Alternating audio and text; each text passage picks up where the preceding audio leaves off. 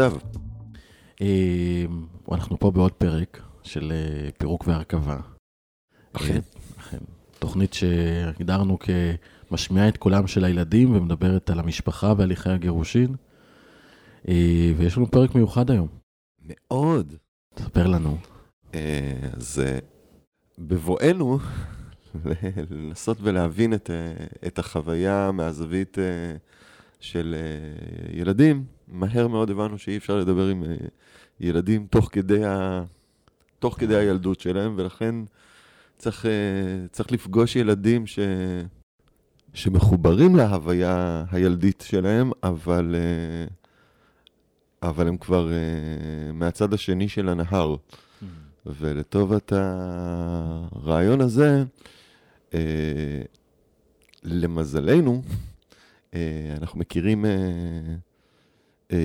ילדה ש, שגדלה ו, ובאופן די ברור, אה,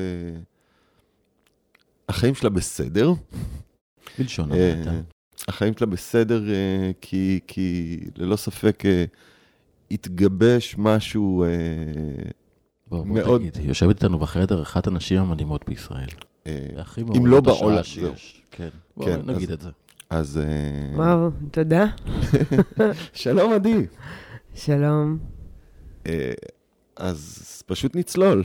אה, כן, קודם כל נגיד שזה ממש כיף להיות כאן, וזה כיף להתראיין בתור ילדה להורים גרושים, ולא על דברים אחרים, זה מעניין, זה מחדש. מעניין מאוד. כן, כי... קבעתי טיפול יו- ליום שישי אצל המטפלת שלי, שאם יעלו כאן תכנים, סתם, סתם. אז, אז למעשה, אה, כששאלתי אותך, בבואי להזמין אותך לדבר הזה, האם החוויה של אה, להיות אה, בת להורים שהתגרשו הייתה מכוננת? אמרת, כמובן, ברור, ו... וזהו, ואני רוצה באמת לחזור איתך כאילו למקום הזה של אה, בעצם, איפה, איך, איך הכל התחיל? אני אגיד ש... אמ, אה, אני רוצה שנייה עוד לפני הפרטים הטכניים של מה היה וזה, לקפוץ לאיזה רגע שעלה לי, אה, וזה דווקא כאילו שדיברנו ככה קצת לפני שנפתחו פה המיקרופונים, על, אה, על באמת שכל התכלית שלכם והמשימה שלכם זה באמת הילדים. ובאמת, ונזכרתי באיזה רגע כזה, שהיועצת של, הייתי בכיתה ג', והיועצת של uh, בית הספר היסודי שלי, uh, קראו לה צילה, והיא הושיבה אותי לשיחה, ו... ו... והיא אמרה לי שיש ילד אחר בשכבה שלי, שקראו לו עידן, בכיתה ג' 3, שההורים שלו גם uh, גרושים, והיא נתנה לי פתק שמותר לי להוציא אותו מהשיעור, את העידן הזה, ילד שלא הכרתי ולא דיברתי איתו בחיים שלי. Um, וש... והיא בעצם שלחה אותי במשימה להוציא אותו מהשיעור כדי להגיד לו שההורים שלי מתגרשים. ו... ונתנה לי איזה ספר ילדים כזה, זה לא באשמתי, לא יודעת, משהו כזה. ו... ו... ואני ילדה טובה, אומרים לי לעשות, אני כאילו מקשיבה למה שאומרים לי. אני הולכת ואני דופקת בשיעור בגימל שלוש, ואני מוציאה את uh, עידן uh, מהשיעור, כי יש לי פתק, ואני עומדת מול ילד שלא דיברתי איתו בחיים, ואני אומרת לו, היי עידן, ההורים שלי מתגרשים. ואז הוא אומר לי, טוב. אני אומרת לו, טוב, ביי. ביי. אנחנו נפרדים. ו... ו... וככה, זאת אומרת, ואני זוכרת שכאילו, שבתור ילדה, אה, זה היה לי נורא נורא נורא מביך, מן הסתם. אה, ו... ואחר כך שנים, היות ואני מתעסקת בחינוך, אני כאילו אומרת, זה כאילו היה לה איזה רציונל שאני מבינה אותו, מן הסתם. זאת אומרת, אני יכולה להבין את, ה, את הנקודות בראש שלה, של מה היא חשבה באותו רגע, של את לא לבד, זה לא באשמתך, יש עוד כמוך, אה, זה לגיטימי, וכאילו, אני יכולה להבין את הרציונל, אבל הפער בין התיאוריה לפרקטיקה של מה שקרה שם הייתה כל כך, אה, כל כך אה, הזויה. אה, אז אני פותחת בסיפור הזה, מכל הסיפורים, זה הראשון שככה צץ לי. אמ, ואני אגיד שאני מבחינתי, משימת החיים שלי הייתה להחזיר את ההורים שלי להיות יחד. אה, זה היה התפקיד שלי, זה היה המשימה שלי. אה, זה היה תכלית קיומי בתור ילדה. זאת אומרת, כל מה שקמתי בשבילו בבוקר, זה המשימה של להחזיר את אבא ואת אימא להיות ביחד. אני חושבת שאגב, אה, הרבה פעמים ככה מדברים איתי כזה על, על, אה, על, על משימות ועל תפקידים, ועל, בהקשר של מיזמים שהקמתי וכולי. אני חושבת שהיזמות הראשונה שלי, היא לא הייתה כנפיים של קרמבו, היא הייתה להחזיר את ההורים שלי, זה, ואני הצלחתי. לא אני, אבל כאילו בנרטיב שלי כילדה, הם חזרו. הם נפרדו, הם התגרשו כשהייתי אה, בת שמונה, והם חזרו כשהייתי בת 16. אה, בערך. אה, יש מצב שאני טועה לגמרי בשנים, אבל משהו וואו. כזה. הם נפרדו שוב ב-2008. אבל בעצם אני אה, חוויתי גירושים, חוויתי חזרה, וחוויתי אחרי כמה שנים שוב פרידה. ובתור אה, ילדה, אה, זה, זה היה מין ציר כזה של, אה, של, אה, של באשמתי, לניצחתי והצלחתי והם חזרו, לנכשלתי שוב והם נפרדו. זאת אומרת, זה היה ציר החוויה שלי בתור ילדה, בתור, אחר כך גם מתבגרת. כמובן שעם השנים למדתי להבין שזו הייתה החלטה מאוד מאוד טובה ונכונה, ומזל שהם אה, לא, לא ביחד, אה, במובן הזה שכאילו, שאנשים צריכים לעשות מה שטוב להם, ו- ושכשטוב להורים טוב לילדים, וכל הדברים שאנחנו כאילו יודעים להגיד היום. אבל בזמנו זאת הייתה החוויה. החוויה הייתה אה, כזאת לגמרי. אה, ו- וגם אני אגיד אה, ש... כאילו היום כולם מתגרשים, או לפחות זאת החוויה שלי, שכולם, כולם, מאוד, כאילו זה, זה מאוד מאוד מאוד נפוץ, אבל כשאני הייתי ילדה זה, זה עדיין לא, לא, לא היה בממדים של היום. ו... ו...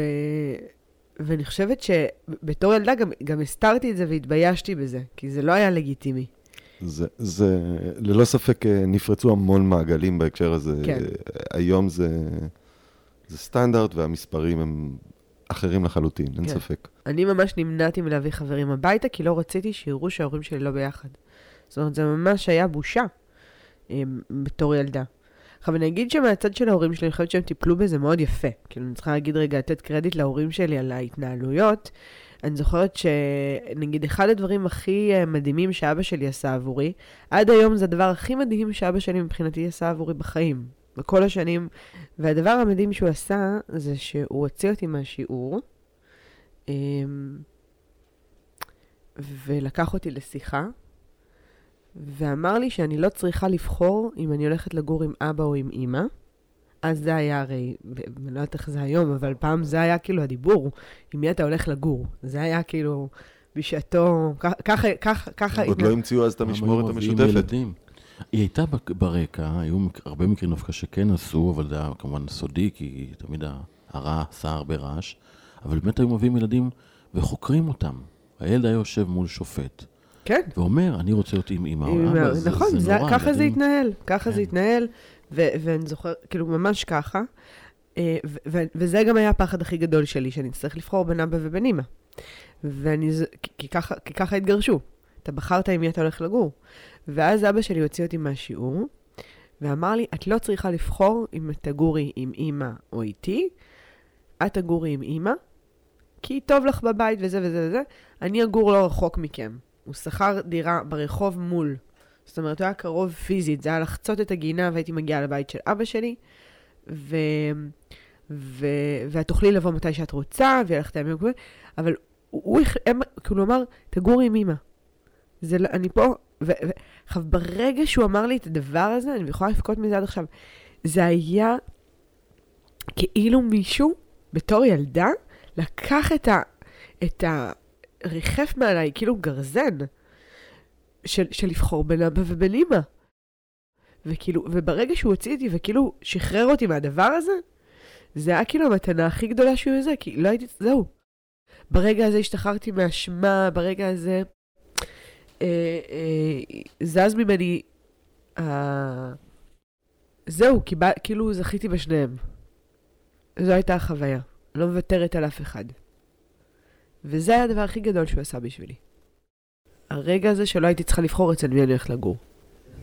זה מסר שהוא פשוט תוציאו את הילדים מהמשחק. אנחנו שניכם ההורים. כן. אני הרבה בחדר אה, שואל, שואל את, את, את ההורים, מי אתה אוהב יותר, את אבא או אמא? הוא נראה, תעזים איך אני שואל את זה. לא, אבל זו בדיוק השאלה. לא לשים את הילד במקום הזה. איזה אבא מדהים יש לך. כן, וזה, וזה היה ממש... אה, אה, ו- ואז אני חושבת שזה דבר נוסף שהם עשו נורא יפה, אני לא חושבת שזה היה בתיאום, אה, הם לא התגרשו יפה, זאת אומרת, בתקופה ההיא היה סוער, זה לא שזה כאילו היה... גם, גם המודעות הייתה אחרת לדעתי. אה, אימא שלי, הם כן היו מודעים, אימא שלי מאוד, אבל זה לא, זה לא היה כמו היום. אבל הדבר הנוסף שהיה, זה שהם אה, בצורה מודעת או לא מודעת, מאוד עבדו על הרווחים שבה, שבעניין. אה, זאת אומרת, אבא שלי אימץ בשבילי, אימצנו חתול, אימא שלי לקחה כלב. יש בית לעשות בו זה ויש בית לעשות בו זה. כאילו הרווח שבשני בתים, העניין של כאילו... הדברים האלה היו, היו, היו מאוד משמעותיים. אה, ודבר נוסף שריחף זה הפיצול מאחים שלי. כי אח שלי הגדול גר עם אבא שלי, ואח שלי האמצעי גר איתי עם, עם, אה, עם, עם, אה, עם אימא שלי. כאילו, אגב, יש מצב שאני טועה כבר, אבל לפחות זאת הייתה החוויה. יש מצב שהפרטים שאני אומרת הם לא נכונים, אבל בתור ילדה זאת הייתה החוויה, שגם יש את הפיצול בינינו בין האחים. ואז אני זוכרת שזה זה היה כל כך מפחיד. כי הביטוי הזה של לפרק בית, לפרק, מה זה הביטוי הזה? מה הוא בעצם אומר? כשאנשים אומרים לפרק משפחה, לפרק בית, למה הם מתכוונים? הם בדיוק מתכוונים לדבר הזה. זה...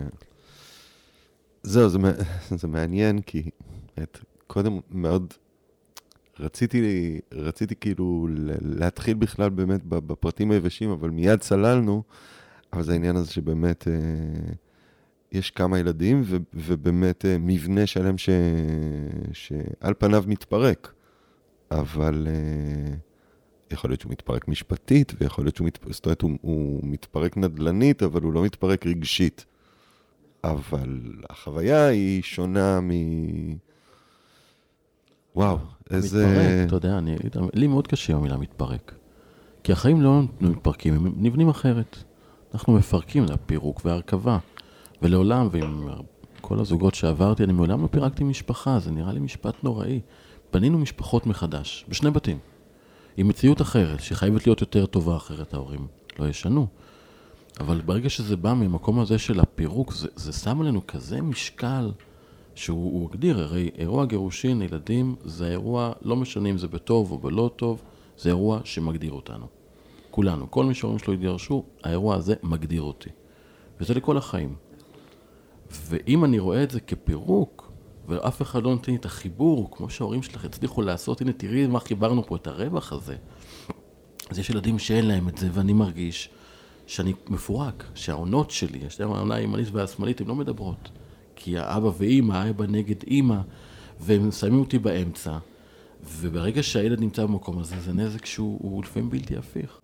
וההורים ששתפו אותך ככה, זה, זה, כי, כי רואים את העיניים שלך, ומה זה עשה, זה מדהים. נכון. לא, זה היה מאוד, אה, זה היה באמת מכונן מבחינתי. מכונן. ואתה אומר, אה, לא התחלנו מהפרטים היבשים, הם לא חשובים. זאת אומרת, הם, הם, הם, הם באמת לא, זאת אומרת, זה, מה, שאני, מה, שאני, מה שמשנה זה מה הייתה החוויה, הרי אה, אין... לא, אני רק אמרתי את זה ברמה של... אגב... כשרציתי... אתה יודע, אתה יודע שבזיכרון בסלון, כשיושב ניצול שואה בסלון, הוא מספר לך סיפור על מה היה לו. עכשיו יושב בן אדם בן 90 ומשהו, מספר זיכרון, אוקיי? כן. אתה יודע, אני אף פעם לא הולכת ו- ובאמת בודקת את העובדות. ויש מצב, אין לי מושג מה באמת קרה לו, לא קרה לו. זה אני משאירה ליד ושם. אה, אנחנו במד החם, וזה מד נרטיבי זה, וזה מד, מד של חוויה. ו... ו... ואני חושבת ש... שככה אני מתייחסת גם לדבר הזה. זאת אומרת, יש כן. מצב כן. שאחים שלי ישמעו את הפודקאסט הזה, והם יגידו לי, תגידי לי, מה, את גנובה? את בכלל לא היית בכיתה ג', את בכלל לא התפצלנו לשני בתים, אנחנו בכלל גרנו באותו בית. ובכלל, אבא, אבא היה על הפנים בהתנהלות שלו, כי הוא כאילו, כי הוא כאילו עשה את כל הנזקים, ודווקא זה, את מציגה אותו כאיזה... יש מצב, זה לא חשוב. כן, זה לא חשוב בעצם. אבל, אה, אבל זה, זה מדהים, נגיד, עצם הרעיון ש... ולפתע גם הפכת להיות אה, ילדה עם מטרה. עם להחזיר את אבא ואימא, זאת אומרת, ה... ה... וזה, וזה אגב משהו שאני שומע מאנשים על זה שלא משנה באיזה גיל, לא משנה מה היו הנסיבות, בכל ילד להורים גרושים תמיד נשארת איזושהי פנטזיה כזאת על אה, גם אחרי... אני חושבת אבל שזה יותר, אני חושבת שזה מה שנדב דיבר מקודם, על העניין של, אה, של התפיסה של לפרק משפחה, במובן הזה שיש יש מיתוג לגירושין, והוא משתנה עם השנים, ואני חושבת שלדור, לפחות של ההורים שלנו, המיתוג של, של גירושים אה, אה, היה, היה לפרק משפחה. זה היה כישלון, זה היה לא הצלחנו להחזיק בית. תחשבו אם אנחנו מדברים על ניצולי שואה, או כאילו מי ההורים של, ה, של ההורים שלנו? זה אנשים שהקימו את המדינה, זה היה לבנות בית בישראל, זה היה המשימה, מה, אפרופו ניצולי שואה, מה הניצחון? הביאו ילדים, הקימו משפחה. על לפרק משפחה זה היה... זה, זה סמל לכל כל מה שנתפס כהגשמה קיומית, הצלחה, ניצחון. ויש משהו בגירושים שהוא סמל הכישלון. וה... וזה עבר אלינו לילדים. זה יותר מפנטזיה. הפנטזיה עדיין נשארת, ואני בטוחה שלא משנה מה יהיה המיתוג לאורך הדורות של גירושים, עדיין נשאר בדבר הזה בגלל אותו פיצול עונות, לכ... עונות לכאורה. אבל, אבל לנו, הילדים של הדור ש... של הגירושים האלה, זה פגש אותנו, במ... או לפחות אותי, מעבר לפנטזיה. זה, זה היה, אה, כי ההורים שלי תפסו את זה ככה. כי ההורים שלי תפסו את זה, בין אם זה, דיברו על זה ובין אם זה היה בסאבטקסט. אה, אני לא באמת זוכרת מה היה הדיבור בעל פה על הדברים. אבל, אה, אבל, אבל, אבל אני חושבת שבתור ילדה, רגע, אם אני אוהבת את ההורים שלי, אני צריכה שיהיה להם טוב. והטוב שלהם זה שזה יצליח. ואם הם לא מצליחים, אז אני אעזור להם לגרום לזה להצליח. שזה אחריות מאוד כבדה על uh, כתפיים. אחריות, אחריות מזעזעת, נוראית, נוראית.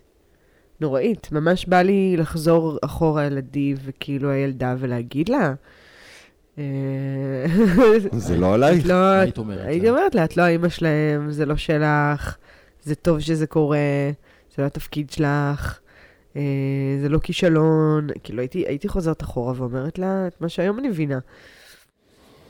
זה דבר יפה. את יודעת, יש היום, עשי ככה את המתמטיקה הסטטיסטית, בערך אה, למשפחה שלושה ילדים בממוצע, 12 אלף זוגות שמתגרשים כל שנה. בערך 36 אלף ילדים כל שנה שההורים שלהם מתגרשים בישראל היום. הייתי בטוחה שזה נתונים יותר אה, גבוהים אגב. מ-12 אלף? כן. זה הסדר גודל, זה, הפור, זה הפורמלי. אנחנו, זה ניתוח בית הדין הרבני, יכול להיות שיש עוד כמה שהם באזרחי, יש שירות משותפת, אבל זה, זה בערך הנתונים הרשמיים נקרא להם. זה כל זוג, זה אחד מ... כל זוג שני בגדול. גם אחרי הקורונה? אוי, הקורונה זו שאלה נפלאה. אז קורונה אנחנו עוד לא יודעים את הכל. זהו, נראה לי שאנחנו נגלה נתונים הול, אחרים. הולכת להיות, אה, הולך להיות גידול. אגב, הקורונה יצרה איזה קושי גדול, כי הייתה הקצנה מאוד גדולה בשיח המשפטי מצד אחד, כי זה בא מקיצון לקיצון. אנחנו יודעים מה קורה במרכזי הטיפול במשפחה, שגידול של 300 אחוז זה, זה קטסטרופה. מצד שני, אנחנו רואים עכשיו שיש גם עלייה לכיוון אלה שעושים את זה בטוב. אז זה לכאן ולכאן. יש גם הרבה משפחות שהתאחדו בקורונה. כי דווקא צמחו מתוך המשבר, היה הרבה ביחד, אז אנחנו לא יודעים. אבל הרבה מאוד ילדים עכשיו יוצאים לעולם, והם מגלים שההורים שלהם הולכים להתגרש. וזה שאת, עכשיו איך שדיברת לידי הקטנה, אמרתי, זה מסר שהוא מאוד חסר היום בחברה שלנו. אז בין לבין עושים אותו הרבה, מנסים לקדם אותו. ו- ואם את אה, בראש המערך החינוך שלך מעבירה את המסר הזה, זה כל כך מרגש. יש לי כמה וכמה חברים שמתגרשים. אמ, אני אפילו לא רוצה להגיד את המילה לצערי. כי אני חושבת שזאת הבעיה, שזה נתפס. זאת אומרת, השורש בדבר הזה זה שזה נתפס גירושים כדבר שלילי. זה לב העניין. לא בהכרח. מי אמר? זה נורא תלוי איך זה קורה. עצם העניין, זה, זה שוב, זה חוזר לתפיסה שגירושים שווה לפרק, אה, שווה כישלון, שווה נכשלנו בתחזוק המוסד, או כאילו זה התפיסות ש, שמניעות פה את הגלגלים. אה, כאילו, בוא, בוא נצייר תמונה אחרת. אם גירושים היה נתפס כדבר חיובי. ו- ו- ולא ככישלון, אלא כהצלחה, כי האדם בוחר באושר של עצמו, כי הוא, אה, אה, כי הוא, כי הוא, כי הוא ממקום אה, של, של, של אהבה מכבד את זה ש, שבן או בת הזוג סיים את התפקיד שלו במופע הנוכחי ויש עכשיו שדרוג של, למופע אחר. אם זה היה הנרטיב, ומזה גם היה מסרים ופרקטיקות לעצמנו, עזבו רגע את הילדים, כאילו לעצמנו. אמ, תם פרק הזוגיות, אה, והשותפות ההורית אה, בעצם עולה הילוך. כן, כאילו, סוג של- אני חושבת שיכול להיות שאם הייתי יכולה לחזור לשורש והייתי מחפשת שם אחר למילה גירושין. כי, כי, כי, כי בעצם יש פה ממש עניין של branding בדבר הזה, זאת אומרת, זה ממש, כאילו, הרעיון שאני מגרש ממה, מה, כאילו, יש פה משהו שהוא נורא נורא נורא מעוות, ואז על זה כל הזמן באמת יש, אה, אה, כאילו, אתה לא באמת נפרד, הרי יש לנו ילדים, אנחנו... אה, אנחנו, אנחנו אוהבים, עברנו חיים משותפים במופע מסוים, אנחנו, אנחנו, אנחנו לא... אה, אנחנו... וזה שזה קשה, זה לא הופך את זה לרע. ויש משהו ב, בלב של, ה, של התפיסה, שהוא, הייתי מאוד מאחלת לא להשתנות. את בהסכמים שאני כותב, אני לא כותב הסכם גירושין. אני כותב הסכם שותפות חדשה, בסוגריים גירושין. אני עושה שיהיה לדיין ולשופט קל לעכל את זה, אבל זו שותפות חדשה מבחינתי. המילה פשוט לא רלוונטית יותר. זה כל כך נכון. ממש יפה. אה, זהו, הזכרנו קודם את האסוציאציות שואה, וזה מצחיק, כי כאילו בעצם לפני השואה, הטראומה המכוננת הייתה גירוש ספרד. כאילו, כן, נכון. כן, כן, כשהספרדים החליטו להתגרש מהיהודים שלהם. נכון, אנחנו ממש יושבים פה על, אה, על כתפיים של אה, המון טראומות, לאומיות ובינלאומיות. כשבכלל כל הפן הזה של משפחה, הרי זה סיפור מאוד צעיר, כל המשפחה גרעינית, והחיבור הזה, זה 60, 100 שנה בערך שקיים המתא הגרעיני הזה. לפני זה היה שבט שגידל ילדים, והכל עכשיו על הדור שלנו, זה הדבר הקשה. השואה, ההישרדות, מה זה משפחה, וזה שאנחנו פתאום חיים מעבר לגיל ה-40. אנחנו בצומת אחרת בחיים, אנחנו העולם לוקח אותנו למקום שאנחנו רוצים יותר להגשים את עצמנו, ואנחנו לא יכולים להיות במקום שבו היינו כשהיינו בני 20. והתחושת הכישלון על משהו שהחלטתי בגיל 20 ועשיתי טוב, ואז שזה עובר דרך הילדים, זה מייצר כזה קושי, כן, אבל שהיא מודעות שכזו, כן. זה מדהים. איזה מסר היית רוצה להגיד להורים, לילדים ש- שמאזינים לנו, והם עכשיו בצומת, ואנשים מאזינים לזה, ממש, אנשים מקשיבים, כי ההחלטה להתגרש, שנה, שנתיים לפני זה, שזה מחלחל, והם אוספים את המידע, ואנחנו רוצים הרי לתת כמה שיותר מידע על הטוב, על החיובי, על מה זאת הצמיחה. אומרת שנה, שנתיים... אה, תהליך החשיבה בדרך כלל, עד שאדם בכלל מודיע לצד השני, כן. תהליך ארוך. בדרך כלל יש איזה שנה או שנתיים של וואלה. זאת אומרת, בעיקר נשים. אה, פן מאוד מגדרי, נשים, הן לוקחות הרבה זמן באמת לוודא, כי יש משמעות. כן. מול זה, לפירוק, המונח כן. הזה, לוקח זמן להגיע לשם. באופן אה, כללי יש אה, תמיד צד שמופתע. באופן יחסי. נופתע יותר. כן. ובמקום הזה, אני חושב, מה אנחנו יכולים לתת להם, עכשיו אלה שמאזינים לנו. כן. מהזווית ראייה שלך, שהיא באמת רחבה מאוד, כן. אמ, מה אנחנו יכולים להגיד להם? אני חושבת שהדבר הראשון במעלה זה לאמן את השריר של להפריד בין הצרכים, אה, הרצונות, הפחדים של ההורים, אה, לבין אה, הצרכים והרצונות ומה שעובר על הילדים. והמקום הזה של להב- להבחין או לבדל מה שלי ומה... ו- כי, כי באמת הכל מתערבב, בגלל שזה כל כך אמוציונלי ובגלל... אז הכל מתערבב, ו... ואז אתה חושב שאתה, כאילו, איזה הורה יגיד שהוא לא רואה את טובת הילד? אין דבר כזה. אבל בפרקטיקה זה מגיע ביומיום וזה מגיע בקטנות וזה מגיע בערבובים. ולא מרוע, זה, זה, זה נובע מערבובים. מה זה הערבובים? ערבובים זה שאתה חושב שאתה עושה משהו כי הוא טובת הילד, אבל בתכלס הוא טובתך האישית.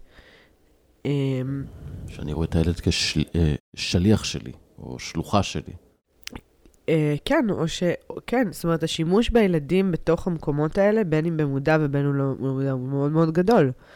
נקמה בהורה, אה, אה, אה, אה, אה, כאילו מיליון דברים שם אה, באמת בתפקיד שאנחנו מכניסים ומערבבים את הילדים, אה, כאילו, אפילו במקומות יותר עדינים. בסדר? ניתן דוגמה. מאוד מכיר את זה, נגיד, כמו אה, איסוף מידע דרך הילדים. איך היה בסוף מידע, השבוע אצל איך היה אימא? בסוף השבוע, אה, אה, מה אימא אמרה לך. אה, אה, עכשיו, גם ככה אתה, נגיד, כועס על האימא, והיא מבחינתך אשמה, והיא לא בסדר, אז כל דבר שאתה פוגש מהילד, היא לא התנהלה טוב, היא לא קנתה לו אה, ארטיק, האימא כבר עוד יותר לא בסדר, הכל מת, נערם לתוך השק שגם ככה אתה מחזיק על אותו הורה. אמ, ו, והילד הוא, הוא באמצע, ליטרלי. כן. ואני חושבת שהדבר הראשון זה ההפרדה והגבולות. והאימון, אני אומרת אימון על שריר, כי אני חושבת שזה שריר שצריך להתאמן עליו. כאילו, אין פה איזה, זה, של בין לראות מה שלי, כי אני כועס על, ה, על הצד השני, כי הוא אכזב אותי, כי אני מתגעגע, כי אני אה, אה, מאוכזב, כי אני מאוכזב מעצמי, ו- ו- וכל השק הזה, להפריד אותו מהעולם של הילד. ו- ואני אגיד משהו מחברים שאני רואה שמאוד עוזר לזה, uh, וזה uh, האמונה שההורה השני הוא הורה מדהים לילד. אם אני כל הזמן מחפשת אישורים שהצד השני הוא הורה טוב, ואני מזכירה לעצמי ואני מתחברת למקור הזה ומצליחה שהוא יניע אותי, זה איפשהו משחרר הרבה דברים ומצליח לעזור בגבולות האלה. אמ, בין מה שקרה בינינו לבין התפקיד שלו כהורה לילד הספציפי הזה. וכשאני לא מצליחה לראות את זה, או לזכור שהבן אדם הוא הורה טוב, אני תמיד אומרת לחברים שלי שמתמודדים, אני אומרת להם, אני מתחברת לצד הרוחני, אני אומרת, הילד הזה, הנשמה שלו בחרה להיוולד להורים האלה, זו בחירה נשמתית של הילד, הוא בחר את ההורה הספציפי הזה, ויש להם מסע לעבור יחד, וכאילו, it's not yours to handle. תכבדי את הבחירה שהייתה כאן של הילד להיוולד לאבא ושל האבא להוליד את הילד, זה כאילו, it's not yours. תח, תהיה לך כבוד למסע המשותף שצריך לעבור פה ברמת הנשמות. אם זה לא עובד בפסיכולוגיה, אני הולכת לרוח. כי, כי, כי זה כזה בעיניי. אז זה, זה קומה אחת. Um, אני חושבת שקומה שנייה, היא, היא, היא מה שאמרנו מקודם, והיא באמת יותר קשורה לתפיסות. Um, um, אני אספר מקרה, יש לי חבר נורא נורא טוב, שעכשיו הוא ואשתו מתגרשים, ויש להם uh, בת תינוקת קטנה. Um, ו... והוא סיפר על זה שהוא, שהוא ממש ככה בלב התהליך, והוא היה צריך לצאת... אה, זה, והוא התגעגע אליה, והוא בא הביתה והוא חיבק אותה, והתינוקת נתפסה עליו כמו קוף, הילדה, אה, ולא עזבה אותו, והוא כל היום ביאס לו את, ה, את היום, כי הוא באשמה אה, על, ה, על, על זה שהוא לא עם הבת, והבת מתגעגעת אליו, ועל כל הדבר הזה, בסדר? כן. אני מדברת אותו בערב, ואני כמובן הכי, הכי לגיטימי ואנושי ו- וככה. ואני אומרת לו, נקרא לו דן, בסדר? אני אומרת לו, אני אומרת לו, תגיד, סתם בשביל הספורט, כאילו, אתה יודע שגם הבן שלי נתלה עליי כמו קוף ועל אבא שלו, אה, אם עכשיו הוא לא התראה וזה ממש לא קשור לפרידה? אה, כי, כי הם ילדים והם רוצים אותנו כל הזמן ופשוט סתם מתגעגעים גם. הילדה, אין לה מושג שהתגרשתם, היא כולה בת שנה וחצי, אין לה מושג על כל המטען הזה שאתה מחזיק אותו, ומסכנה, אתה שם עליה כרגע, שזה מכיל ומאכיל את הרגשות אשם שלך גם ככה, אמ, משהו שאולי הוא לא קשור. מה אם כאילו היית מתעסק לזה בקלילות, ומגיע לזה חיובית? הרי היא מרגישה את התדר שלך, היא מגיבה לו. אה, אתה מעד... יותר מכל אינפורמציה אה, טכנית. ו... ואז כזה הוא אומר לי, וואלה, כאילו, יש משהו ב, בתפיסות באמת ש, שצריך, שחייב להשתנות בדבר הזה. אה, אה, בא לי להגיד, בוא נוריד את הדרמה. עכשיו, זה קל להגיד, כאילו, וזה אפילו קצת יהיר, אני יושבת פה על ספה, לא התגרשתי. אה, אה, ההורים שלי התגרשו, חברים שלי מתגרשים, אבל אני, בא לי נורא לקחת איזה סתיקה וכאילו קצת לפצץ את הדרמה בדבר הזה, כי אני מרגישה שהיא חלק ממה שמכניס את הדחיסות ו- ומייצר את הטראומות. מדויק. אני לומר, אני, גם מי שרואה את זה יום-יום, וגם כדור רביעי, אני לפעמים מסתכל, אבל למה הדרמה? הרי בסופו של דבר, גירושין זה עניין מאוד פרקטי. מה קורה ביום ראשון, שני, שלישי, רביעי, חמישי, שישי, שבת. איך מקבלים החלטות גיאוגרפיות, חינוכיות, בריאותיות, זה המון לוגיסטיקה. נכון, יש בזה לב שבור, שצריך להתאחות, אבל החלק הזה הוא לא קשור לפרקטיקה. שנייה, על מה הלב השבור? זה מקום שצריך לעצור עליו. כי אם הלב הוא שבור, על זה שכרגע the love of my life, אה, אה, אהבת חיי, אם, אם, אם הלב הוא שבור על, על, על הפרידה מהבן זוג, זה משהו אחד, ואם הלב הוא שבור על האמונה שפירקנו בית, זה משהו אחר. ואם הלב הוא שבור על מה יהיה, והרבה פעמים זה כמובן, הלב הוא נשבר, על הילדים. נכון? כאילו, למה? כי אנחנו מאמינים שהילד עכשיו, יהיה לו טראומה, והוא לא יראה את ההורים, והוא יגדול במקום שאין בו משפחה. בסוף, בסוף, בסוף, בסוף, מה הכי מפחיד? זה הכי מפחיד. כן. נדמה לי, כן? כן, כן, אתם כן. יודעים יותר טוב ממני, אבל נראה לי כך, ככה אני מרגישה. אני חושב שזה הסיפור שהרבה מספרים. אני חושב שבפועל, זה, וזה גם, הילדים, זה, ישר מתבטא מש, במקום הזה, אבל נתנו למטה, אני חושב שזה, המון השינוי. היה לי תוכנית, היה לי מי להסתמך, היה לי פה עוגן, וכל הפירמידת הצרכים שלי עכשיו התהפכה. אני לא יודע איפה אני אגור, איך אני אקלקל את ילדיי. המצב הכלכלי, הכלכלי בארץ הוא לא בשפע לרוב, ה- לרוב האוכלוסייה, ואני מאוד בחרדה. על זה אני משליך את החשש לילדיי, ואמרת, כולם דואגים ליל, לילדים שלי, אבל פה הם מחוברים איתי. איך אני מכניס את ה... את ה לקלקל את ההוצאות שלהם.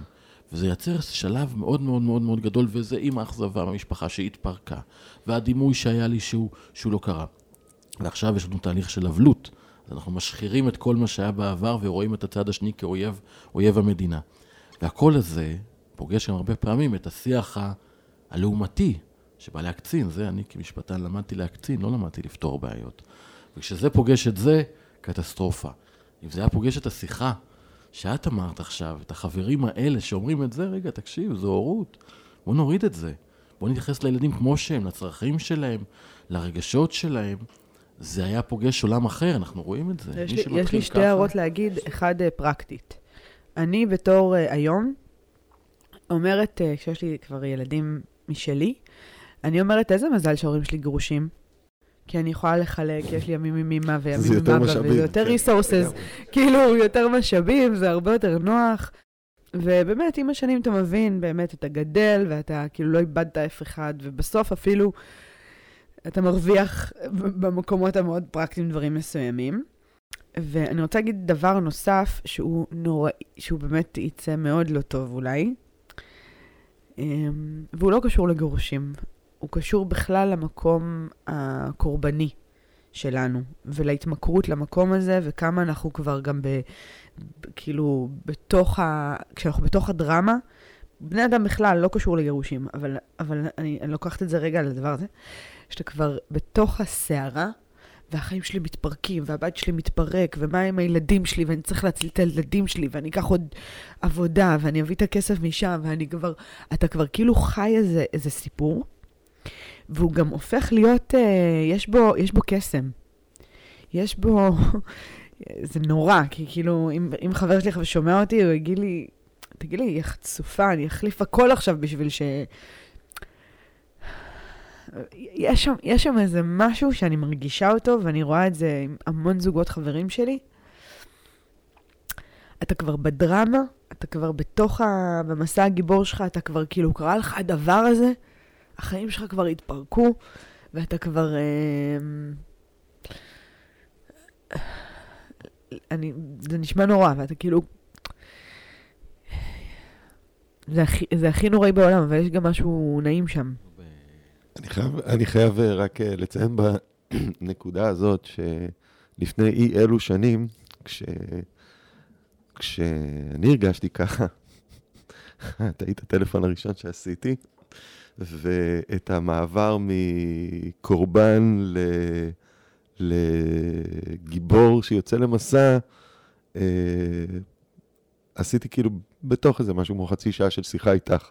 כאילו, כשבאמת... אה, אני זוכר את הדימוי שהשתמשת בו אז, אה, על איזושהי מין אה, טורנדו שמתחוללת מעל הראש שלי, אבל בעצם, אם אני אשים לב, אני בעין הסערה והרגליים שלי על הקרקע. הכל עף מסביב, אבל הרגליים שלי על הקרקע, ולכן כאילו, הכל בסדר, תנשום רגע. ו... ואני חושב שבאמת מה, מהמקום ההוא אה, יצאתי למסע מחודש, ובעצם זה מלווה אותי עד היום. אה, אז... אני זוכרת שהלכנו לעשות את הקעקוע. כן. אה, של השמות של הילדים שלך. כן. אה, ו... אז בשנקין זה היה כזה, היית ב... ב... בתוך, באמת בתוך ה... זה לא היה באותו יום, זה היה לנו, היו כמה... כמה תחנ... שבועות אחרי, כ- כן. כמה שבועות אחרי, והיה לנו עוד איזו פגישה גם באנגר, היו כמה, כמה תחנות בתוך ה... סיפור הטורנדו זה מההאנגר, נכון, נכון. אה, זה מההאנגר? אז כן. אני זוכרת ככה כמה שיחות בתוך הדבר הזה, ואני זוכרת כשהלכתי לעשות קעקוע של השמות של הילדים. כי כן, יש משהו נורא... זה קלישאת משבר גיל ה-40, מתגר... הכי קלישאה. כאילו. אבל, אבל, אבל כנראה שקלישאות, יש להם תפקיד, כן? בסוף, אה. בסוף כי אנחנו מבינים. מישהו אמר לי פעם, לתקופה הזאת, כל הקלישאות נכונות. נכון, נכון. ואתה יודע, כאילו, אני אומרת ברמה יותר גבוהה, אתה כאילו אומר, אוקיי, בסוף, מה זה אותו קעקוע שהורים שמתגרשים עושים של הילד שלהם? כאילו, זה הכי חשוב. נכון, מה אתה בא כן. להגיד? בסוף זה הכי חשוב, זה כאילו הכף, זה הכי חשוב. המחשבה שליוותה את זה הייתה שזה מין משפט שתקוע לי בראש, שההפך מלשכוח זה לרשום. אז אני ארשום את השמות שלהם על היד, ואז בטוח אה, אני אהיה בפוקוס עליהם. אה, כן. כנראה שלא הייתי שוכח גם לי זה, אבל, אה, אבל זה נראה טוב. כן, זה אחלה קעקוע יצא לך. כן. כן, אבל אני זוכרת, אני זוכרת את המקום, ה... המקום ההוא. אני אגיד אולי רק עוד משהו ככה, אה, לסיום, לא במסרים, אה, אני, כאילו אני רוצה להגיד משהו רגע דווקא על המקום של, ה, של השבר. התחלנו מתחילת השיחה על זה שהיה לי מטרה להחזיר את ההורים שלי להיות יחד, וכאילו אם הייתי חוזרת אחורה הייתי משחררת אותי מהתפקיד וזה וזה וזה. מצד שני, בזכות המקום הזה, גם הרבה מאוד מהדברים שעשיתי בחיים הפכו להיות כאלה. כי, כי בסוף הדברים האלה, אפרופו קלישאה, בונים אותך. ו- וזה נכון. ו- ו- ו- ובסוף זה דברים שהם מאוד מאוד מעצבים ומאוד מאוד אה, אה, בונים. וזה נורא מעניין שאני יושבת איתכם עכשיו לפודקאסט, התחלנו ככה להגיד מקודם, אביסר, mm. שביום שישי היה כתבה באולפן שישי, על איזה ספר חדש של uh, מיכל דליות ושרון uh, פאר, שהוציאו uh, המתכון לגידול ילדים מוצלחים. כן. ובספר, ובכתבה באולפן שישי מראיינים אותי כל מיני, כאילו הורים של ערן זהבי, רייכל, קיה רדינסקי, אותי, כאילו כל מיני זה, על מה המתכון. הכתבה הזאת, התראיינתי רק עם אבא שלי. אה, ויותר מזה, אנחנו ההורים היחידים בספר שההורים התראיינו בנפרד.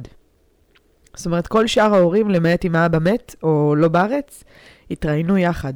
אני, אני, אני הפרק היחידי שיש, שיש פרק של אבא ופרק של אמא. מה שנקרא, הגרסה של אמא והגרסה של אבא. ו, וגם בכתבה, בסוף התראיינתי רק עם אבא שלי. אמא שלי כאילו, לא כאילו, היא הייתה באיסלנד, אבל גם היא הייתה בארץ, היא לא הייתה משתפת פעולה עם הדבר הזה. ו... ו... ואני חושבת שכמובן הספר פחות חשוב, ואז אני מדברת רגע שוב על, ה... על המקום שלי. היה לי, איזה, היה לי איזה closure נורא גדול, שהוא גם עכשיו, השיחה איתכם היא כמו נקודה בסוף משפט של הדבר הזה שקורה לי כנראה. וזה איזה מקום של אה, לבוא עם, עם חמלה מאוד גדולה להורים שלי. שזה רק מרחק זמן יכול לאפשר, וזה כאילו באמת רק כשאתה נהיה הורה, ואתה כאילו מבין את החיים אחרת, פתאום פתאום הלב כאילו מתרחב, ואתה אומר כאילו, they did their best, הם עשו את הכי טוב שהם ידעו, וזה מה שהם ידעו. וזה עוד איזה מסר שנורא בא לי להגיד, תראו איך אני מתרגש מזה. נורא בא לי להגיד את זה גם להורים ששומעים את המקום הזה של להביא את החמלה לעצמם, בלדעת ש... שבגלל שהור... שהילדים שלנו זה הדבר הכי חשוב לנו, מאה אחוז, מאה אחוז, מאה אחוז, בתוך הדבר הזה, ונעשות טעויות, אבל אנחנו עושים את הכי טוב שאנחנו יודעים. ו- ואני רוצה שלצד כל המסרים של תפרידו בין הצרכים שלכם לילדים, תתפסו את הגירושים לא כגירושים, אלא כשותפות מחודשת, גם תזכרו ש- ש- שהכל בסדר. הם יגדלו, זמן יעבור, הלב יתרחב, ואתם עשיתם ואתם עושים את הכי טוב שלכם. כן, מה יש לומר? אכן, אכן, אכן. אה, טוב, כולנו פה יושבים עם דמעות. תודה רבה. זה היה מרגש, ואני חושב שהפודקאסט הזה... זהו, לא שומעים את ההנהונים שלי, אבל... כן, אה, לא, אנחנו יושבים פה, וגם נוגה פה איתנו, וגם שרון פה, כולנו פה, ריגשת אותנו מאוד.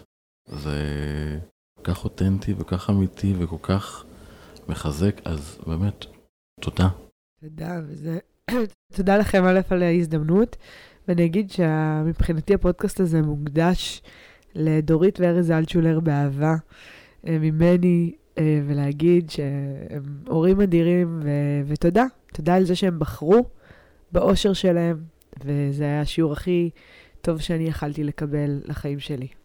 דורית וארז, דורית וארז. לחייכם. תודה רבה, ונתראה בפרק הבא, אחרי שנתאושש מהסערה הזו שאנחנו מרגישים עכשיו. תודה רבה.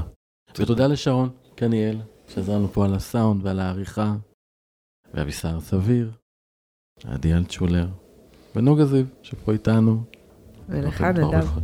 תודה רבה. להתראות.